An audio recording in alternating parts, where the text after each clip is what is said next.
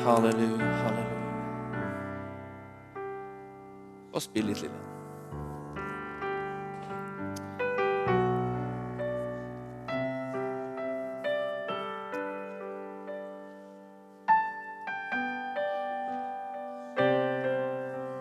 Vi skal få se hans prakt igjen, sang vi nå. Hans lys skal tvinge mørke hen.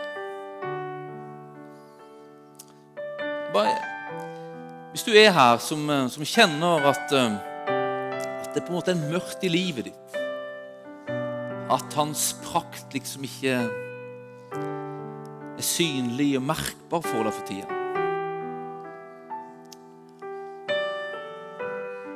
Jeg vil bare be for deg.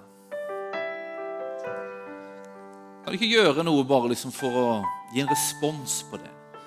Enten om du strekker handa di, eller legger handa på hjertet ditt, eller Gjør en sånn bevisst handling der du strekker deg ut til Han for å ta imot fra Han. Så bare ber jeg for deg akkurat nå at Hans lys skal skinne på nytt igjen. Hans glans og nærvær skal bli synlig og merkbart igjen i livet ditt. Far, jeg bare ber om det akkurat nå. At du med din vidunderlige Hellige Ånd bare skal komme og bare bringe lys. Jesu glans, herligheten og nærværet var tilbake igjen i våre liv, Herre. Takk om vi kan få gi du akkurat nå, far, byrder, det vi opplever på en måte står i veien. Og ta imot fra du, Herre, bare nærvær og liv og din kraft. Bare kom med lys og med herlighet. Bare fyll med Hellige Ånd. Akkurat nå. Takk at dere bare kan få ta imot akkurat nå. Ta imot det fra du, som mer enn gjerne gir av din hånd, av din ånd. Jeg priser deg.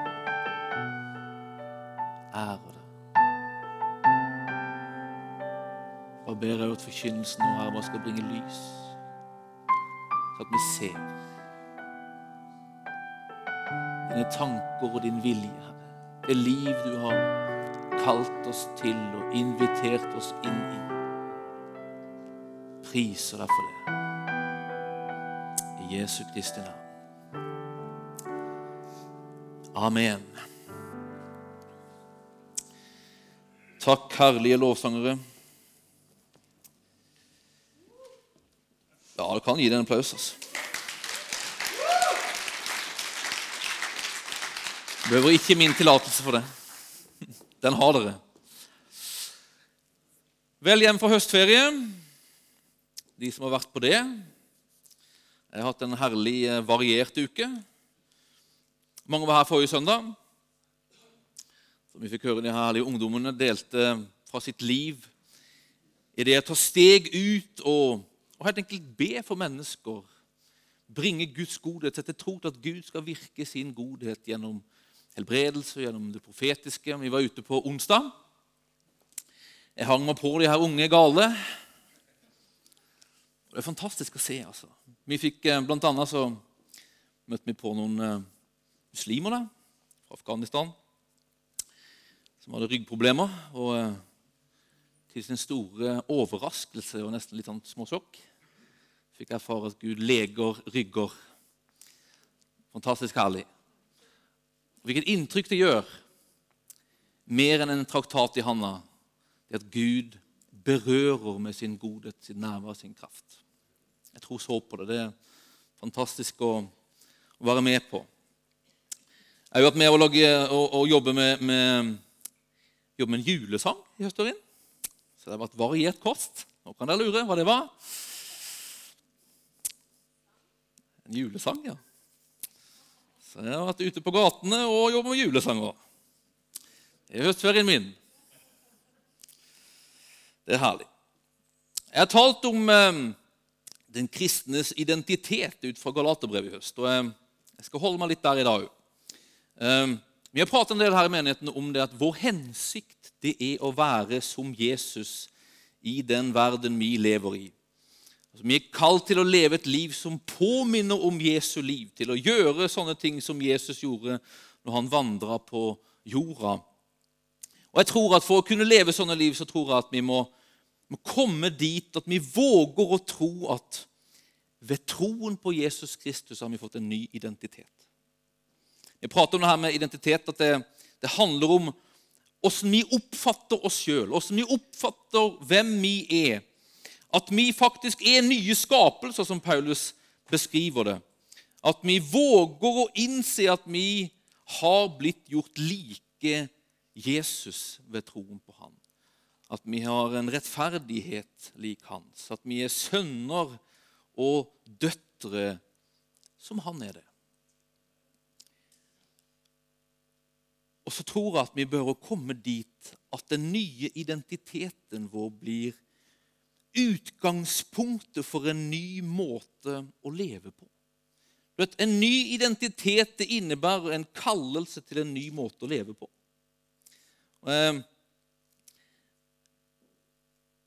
I sommer så var jeg på Åpen himmel i Grimstad. og Dette hadde sånn profetisk betjening. og Jeg, var der her, og jeg har aldri vært på det før. Så jeg tok steg en kveld der og var med på den profetiske betjeningen. Kom bort til eh, et par eh, unge jenter, 20 år, tenker jeg. Og det første de sier De sa en hel del, men det første de sier, de sier Jeg ser noe kongelig over deg. Jeg ser noe kongelig over deg. Og resten av det, på en måte, liksom, det de sa, det, det er liksom borte. Men akkurat det der, det har liksom Det likte jeg, så det tok jeg. Nei da. Nei, men akkurat det der, det har, det har, det har liksom etsa seg fast med å jobbe med meg faktisk siden. altså. Peter skriver jo at vi er, vi er konger og prester. Vi er et kongelig slekt. Vi er konger og prester. Og du vet, Det som på en måte egentlig har prosesser i meg, det er at en konge er kalt til å leve kongelig. Det høres logisk ut, gjør det ikke det? Hvis du er konge, er du kalt til å leve kongelig. Og det har prosesser i mitt liv. At det fins en kongelig vei for mitt liv å leve på. Det fins en kongelig vei i enhver situasjon. Og eh, det er en vei å gå på. Det livet vi lever som en ny skapelse, det er en vei å gå på. Det er en måte å leve på vi er kalt til. Og Paulus i Galaterbrevet så, så er det som at han peker på en vei. Og han peker på en ny vei kontra en, en, en, en tidligere vei. Han pre, pre, på en vei som, er, som, er, som, gjelder nå, og en vei som gjaldt før. Jeg vet ikke, Hanna, Har du fått uh, til det bildet? Prøver fortsatt. ja. For det, det er en vei på en måte som består av motsetninger. Paulus bruker motsetninger i sine brev, i Galaterbrevet bl.a. Og han, det, som, det finnes to måter å leve på, to veier å vandre på gjennom livet. Og det fins én vei vi er kalt til å leve på som, som troende. Vi kan gå til Galaterbrevet, kapittel 3, vers 19.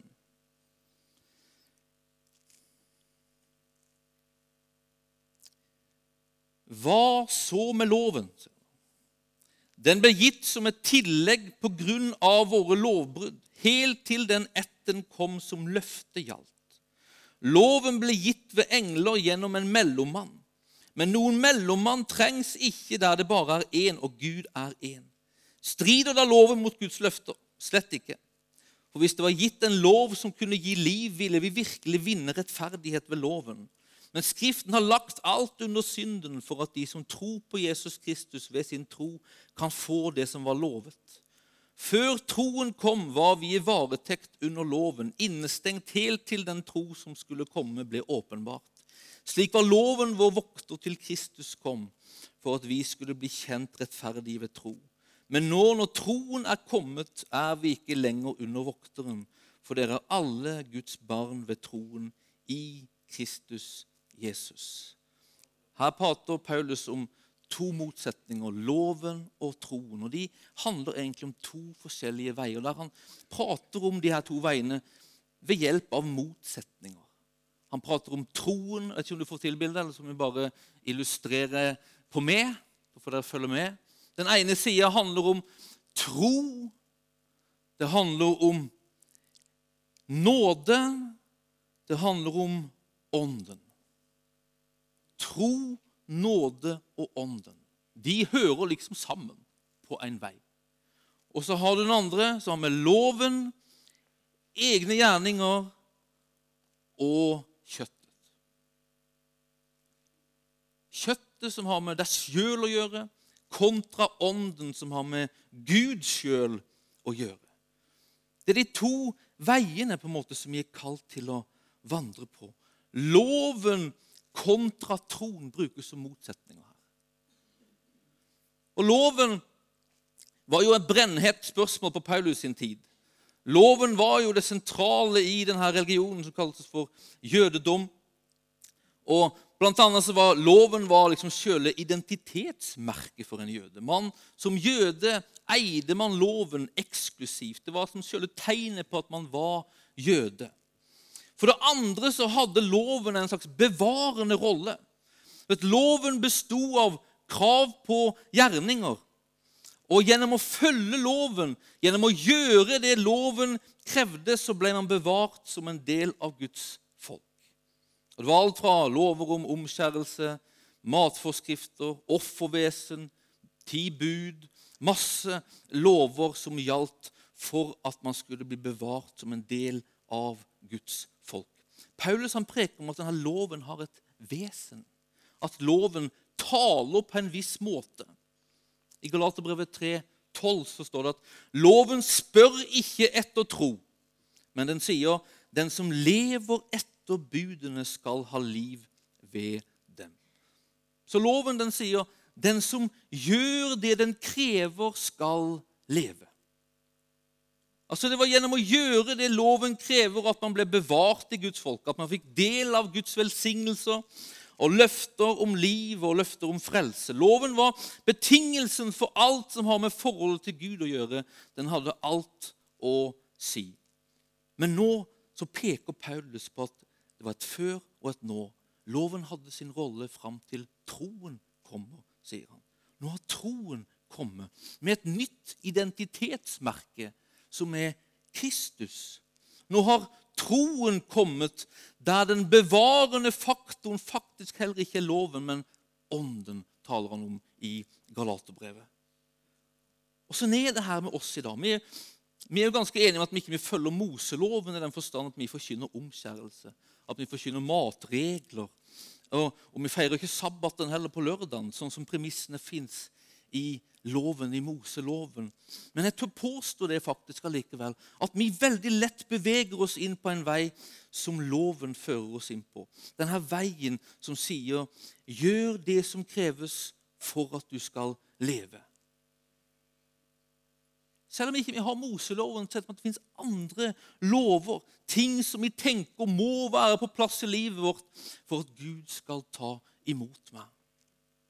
At loven er, står egentlig for alt det som sier at det du gjør, det er i sentrum. Det at det du gjør, bestemmer åssen Gud ser på deg, hva Gud vil gjøre for deg, og hvor nær Gud du kommer. Det som sier at hvis du gjør det som er rett, hvis du er flink, så er Gud blid. Da er han villig til å komme og er han villig til å være nær deg. Hvis du ikke gjør det som er rett, så er han ikke riktig fornøyd. Da er han avventende og holder avstand. Loven står egentlig for alt som handler om at initiativet er vårt. Ansvaret er vårt for å gjøre de ting som gjør at forholdet vårt til ham blir rett. Dette var det er loven. Og det gjelder ikke liksom bare Moseloven. Luther Det er jo 500 år siden reformasjonen i disse dager. Og Luther oppdaga dette her, at det her med loven det lever i beste velgående, både i kirka og i aller høyeste grad i hans sitt liv. Det var ikke Moseloven han fulgte, men denne, denne tanken, opplevelsen, som, som fantes der. At det må gjøre det som kreves for at jeg skal få leve, for at jeg skal få fellesskap med Gud. Det er loven. Paulus skriver at loven har en rolle inntil troen. Loven har en rolle før liksom troen kommer inn i bildet. Og jeg tror at loven har en, en rolle der fortsatt. Jeg tror at Paulus han prater om det her, at man kan bruke loven rett, skriver han i 1. Timoteus. Da skriver han at loven er ikke bestemt for den rettferdige. står det. Den er ikke bestemt for de som har kommet til Kristus, men den er til for lovbrytere og ulydige, ugudelige og syndere, står det. Det er som at loven har en funksjon å gjøre synden synlig for oss. Men hensikten med at den skal gjøre det, er at den skal drive oss til Kristus. Loven er liksom det som skal gi et signal om at vi er liksom vi har ting i livet. Men signalet den skal gi, er på en måte at den skal peke på den andre veien. Det er lovens rolle. Lovens rolle er ikke at du er liksom dårlig, så nå må du gå på denne veien som har med egne gjerninger å gjøre, som har med deg sjøl som den store ressursen i livet å gjøre. Nei, loven skal føre deg til Kristus. Loven har en rolle liksom inntil, inntil troen. Den skal føre deg til den andre veien, som har med tro å gjøre, der nåden der nåden er liksom sjøle greia. Der det handler ikke om dine egne gjerninger, men det handler om Guds gjerning og Guds gave. Og på den veien så er det Ånden som er ressursen, og ikke du.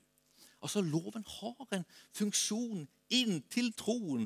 Den kan brukes rett, men den skal brukes rett. For i det øyeblikket den har ført deg til Kristus, så er det liksom finito. Da er det ikke loven lenger du er kalt til å leve etter. Du er kalt til å leve i tro. Du er kalt til å leve i nåden og i åndens liksom område. Dette er viktig. Dette er veien. Dette er kongeveien. Kongeveien. At loven fører inn i et liv i, i, i fangenskap og trelldom, står det. altså. Det er for at vi er sjanseløse. Loven er egentlig en vei av forbannelse, sier Paulus. Fordi den kommer til å kreve, kreve og kreve like inntil du har fullført alt det den krever. Og det kommer du aldri til å gjøre. Så loven skal peke på at det finnes ting i livet ditt, at du er fullstendig hjelpeløs, avhengig og egentlig mislykka i deg sjøl. Men så peker den, eller den skal peke. Den skal få deg til å høre et rop fra den andre sida. Kom, kom, kom. Og det er det som er nåden. Det er det som er nåden. Vet, nåden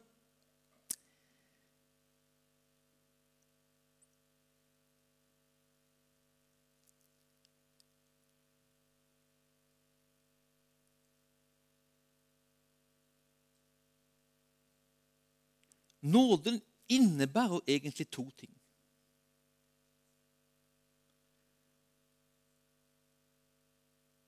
Nåden innebærer at du ikke får det du fortjener. Loven sier du fortjener døden. Men det fins et rop fra andre sida. Kom. Det fins et rop fra Gud. kom.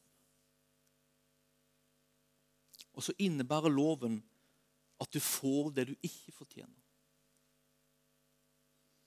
Nåden innebærer egentlig Guds gjerning gjennom Jesus Kristus. Det at han gjennom korset har åpna en vei som kalles for troens, nådens og åndens vei. Det innebærer at når du står her og på en måte hører loven og krava og innser at du kommer til kort, nå er det kjørt, nå blir jeg dømt, så innebærer det her Jesus har gjort på korset, at Gud ikke ruller fram en domstol, men han ruller fram et kors. Altså, På denne veien så fins det bare én ting, og det er en domstol.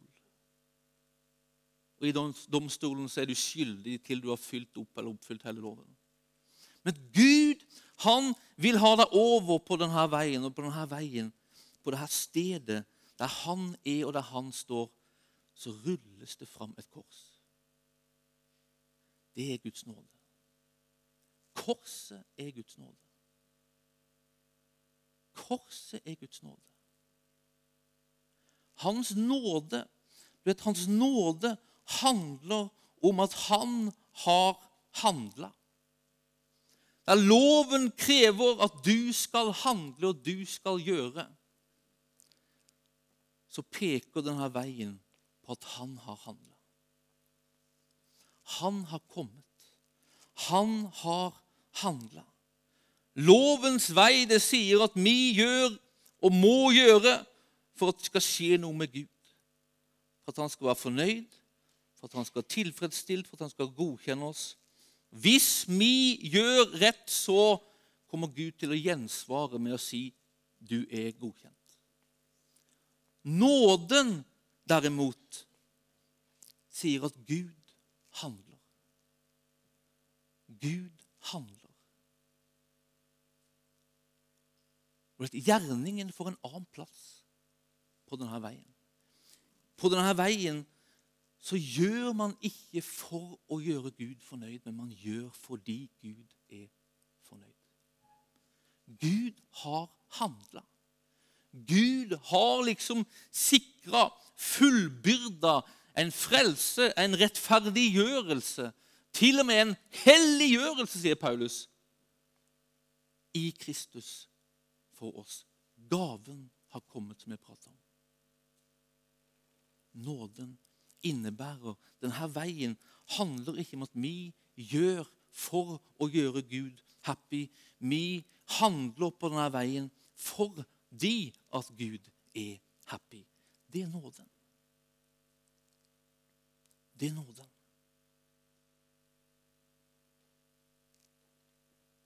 Selv om gjerninger på en måte her er liksom selve redskapet til frelse, så innebærer ikke det at gjerninger er uvesentlig på denne veien. Selv om Gud har handla for oss, så innebærer ikke det at ikke vi ikke skal handle på denne veien. Gjerninger er utrolig viktig i det nye livet. Men hvorfor er det viktig? Hvorfor er gjerningene viktige? Her er de viktige for at vi skal få være gode nok. Men her er det viktig av andre grunner. Her er det viktig for at han skal bli synlig. For at han skal bli synlig gjennom våre liv. Her er det viktig for at vi skal kunne faktisk ta imot og erfare alt han har gitt oss. For at det skal finnes plass i livet hans, eller i livet vårt for at han skal få gjøre det han vil. Så er gjerninger viktig.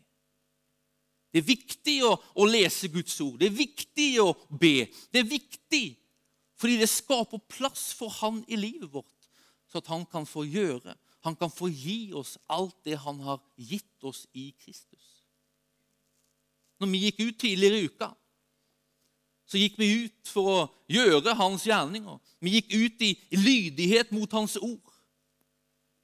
Vi gjorde og handla, men vi gjorde ikke det for at vi skulle gjøre Gud fornøyd med oss. Altså, Gjerningene her har en annen hensikt og en annen drivkraft.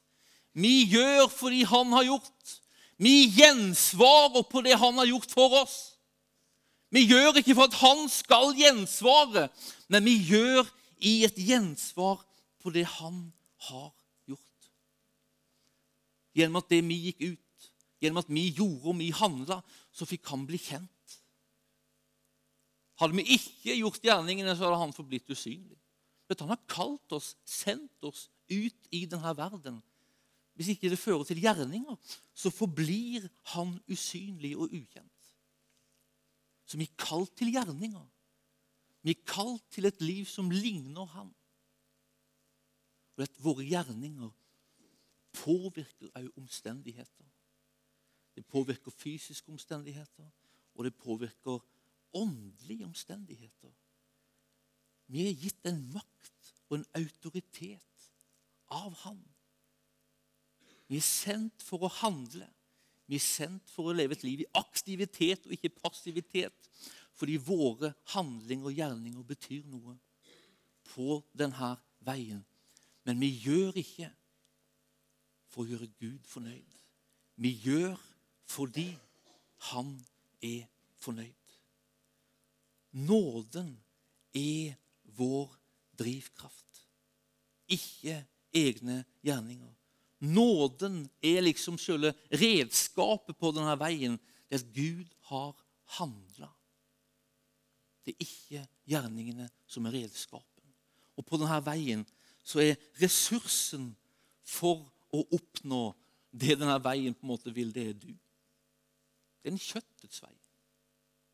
En kjøttets vei. Ressursen i, på denne veien, det er ånden. Det er ånden.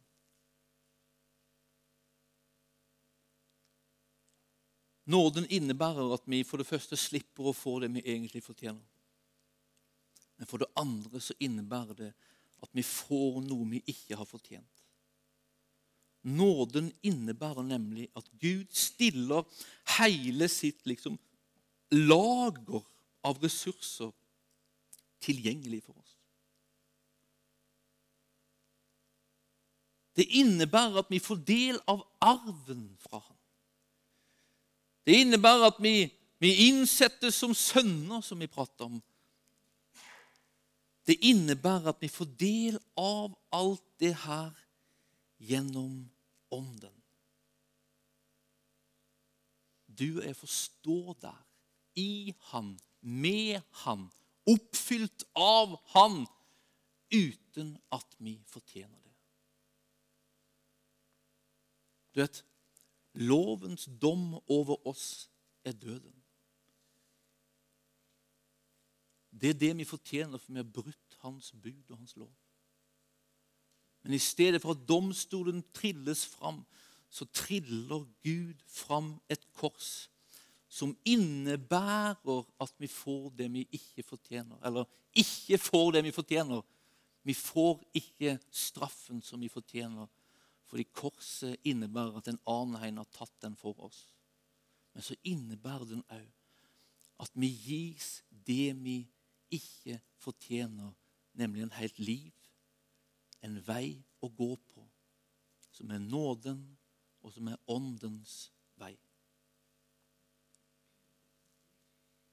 Korset innebærer ikke bare at vi får en frikjennelse. Korset innebærer at vi får tilgang og kalles og inviteres ut på en helt ny vei, en helt ny måte å leve på. Det å leve i nåden handler om å leve i ånden. Ånden er en ressurs så sterk, så kraftfull, så at Paulus faktisk sier at nå er det ikke loven som gjelder lenger. Det er ånden. Kommer ikke det da til å føre til liksom masse lovløshet og synd og alt sånt der? Det merker man på en måte at Paulus får møte på liksom for innsigelser. Men slett ikke, sier Paulus. Slett ikke. Du er kalt til et liv i ånden. Du har fått ånden. Du er en ny skapelse. Du er satt i Kristus. Du er, du er liksom plassert her. Han bor i du. Du er en ny skapelse. Og derfor sier Paulus, lev derfor der. Lev derfor sånn. Lev derfor på den måten.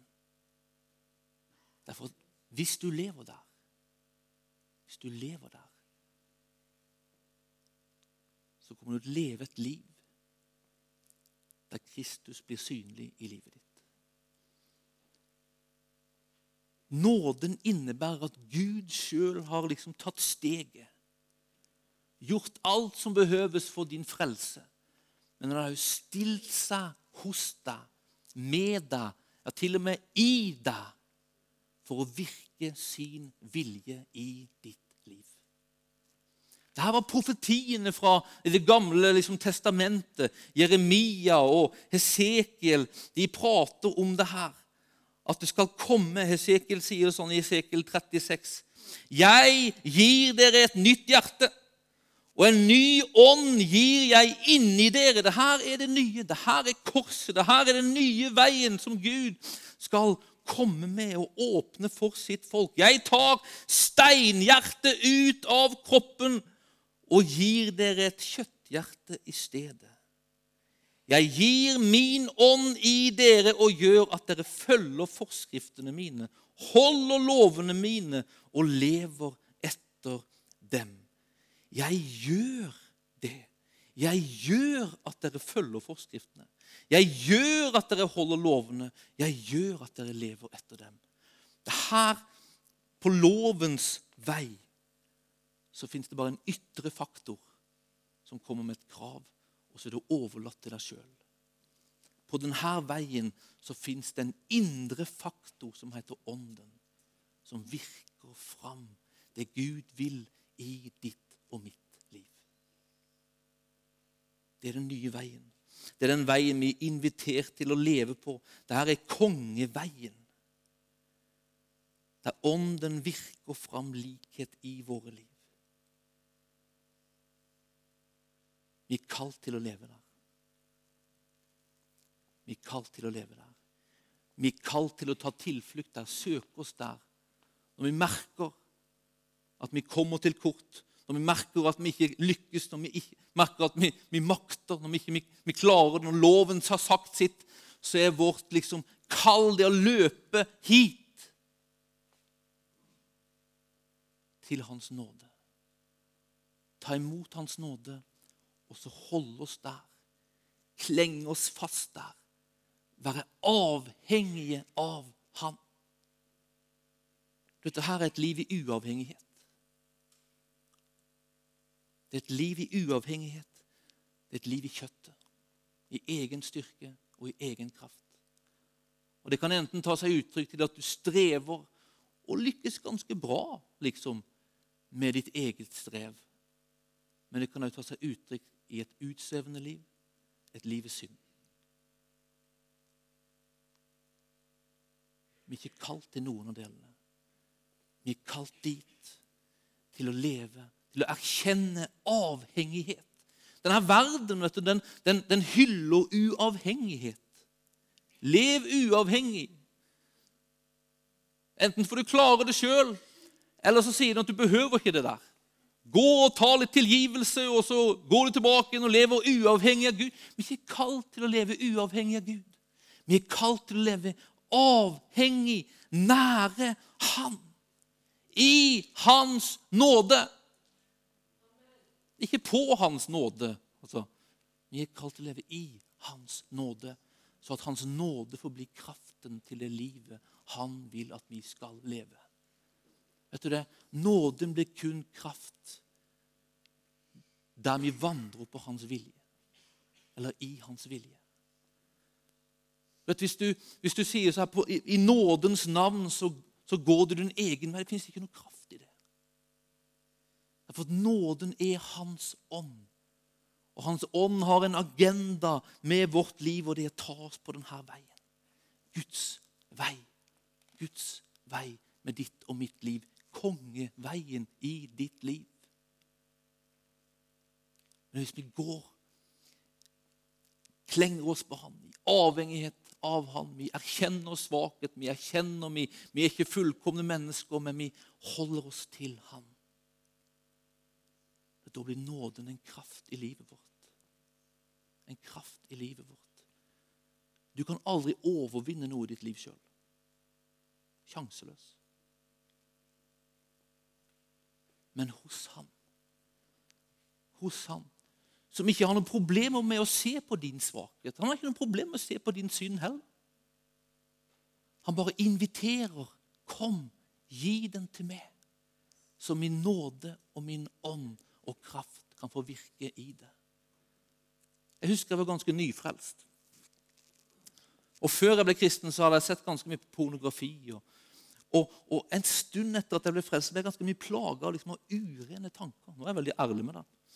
Dette er en del år siden, det var ikke forrige uke. Så jeg husker jeg, husker, jeg kunne gå liksom og, og, og, prate, og så kom jeg prate med, med, med, jenter, og sånne ting, så plutselig så var det som at det kom noen bilder der jeg på en måte så de nakne og, og masse sånn her. Og det, det, her kan ikke jeg ha. Jeg vil jo leve for Jesus. Jeg vil leve rent. Og, vil ha, og vet du hva? Da kom på en måte det her liksom Altså, krava kom.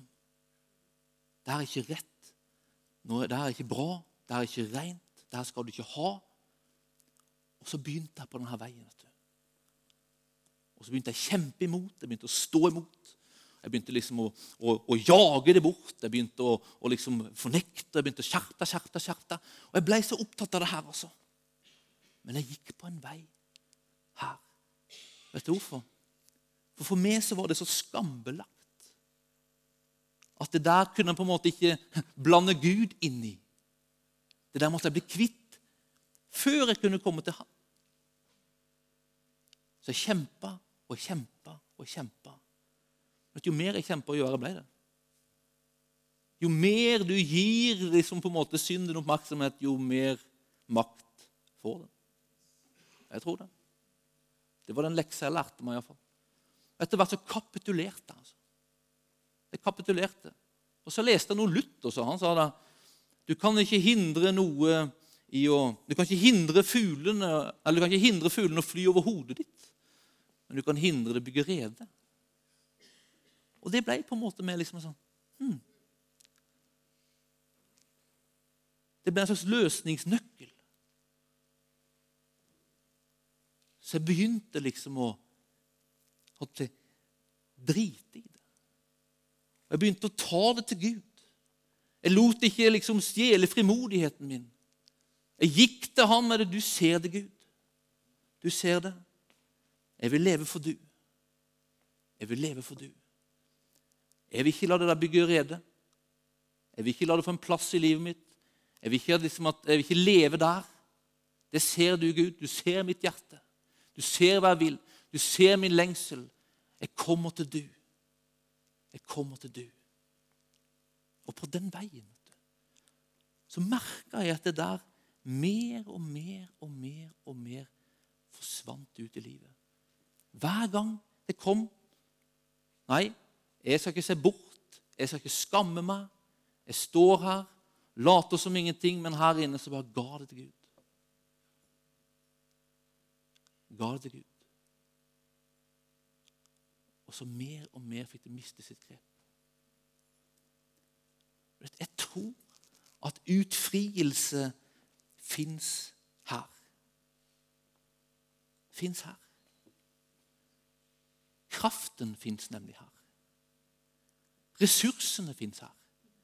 Det som er mer enn ditt. En kongevei. En kongevei. Paulus skriver sånn her Vær den nye skapelsen du er. Lev som den sønnen du er. Lev ut fra den arven du har fått tilgjengelig. Lev i ånden. Lev som fri.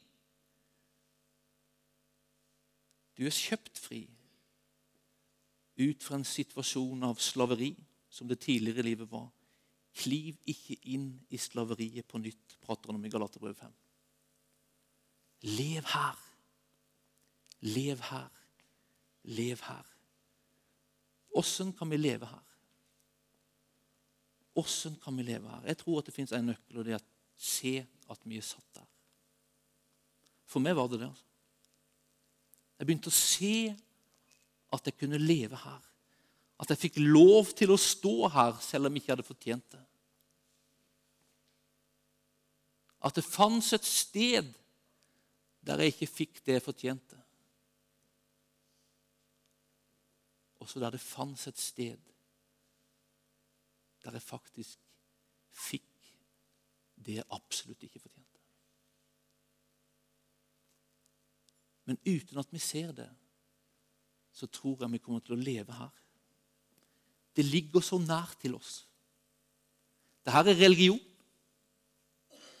Men det her er jo den verdensånd som vi lever i. Du må prestere deg fram til det du vil ha. Men Guds vei er en annen vei. Kongeveien er en annen vei. Der handler det om at du blir gjort til det du skal bli. Og så får du lov til å vandre som den du har gjort, i en vandring inn i det han har tenkt. Tenk at du er gjort til det du skal bli. Vet, Jeg tror, For mitt liv så tror jeg det fins en kongevei. Altså. Jeg er gjort til konge. Det er ganske fantastisk. det altså. Jeg ser noe kongelig over det. altså. Hun så rett. Det fins noe kongelig over det, Emilie. Og han har tenkt å virke fram det. Kongelige karakterer. En konge lever i verdighet. En konge lever i frihet. Det er kongelig. Å leve over og ikke under. Det er kongelig. Vi er gjort til det. Og vi er invitert inn på en vei der han får og vil gjøre det i oss. Ved sin ånd. Det fins der. Og så er det som det lyder fra himmelen. Ser du det ikke? Ser du det ikke? For min del kan jeg svare jo, delvis. og da sier han, kom. Kom til den plassen, inn på den veien, der jeg kan få vise deg det mer og mer, så at det mer og mer får bli en kraft og en forvandlingsfaktor i ditt liv. Som en nye skapelser er vi kalt til å leve på en ny vei. Troens, nådens og åndens vei. Vi bør åpenbaring. Og hva er det som gir oss åpenbaring? Guds ord. Guds ånd. Amen. Det er jo en egen preken. Dit skal vi ikke gå. Himmelske Far, vi takker deg, Herre, for det du har gjort, Herre, i Jesus Kristus, for oss og med oss.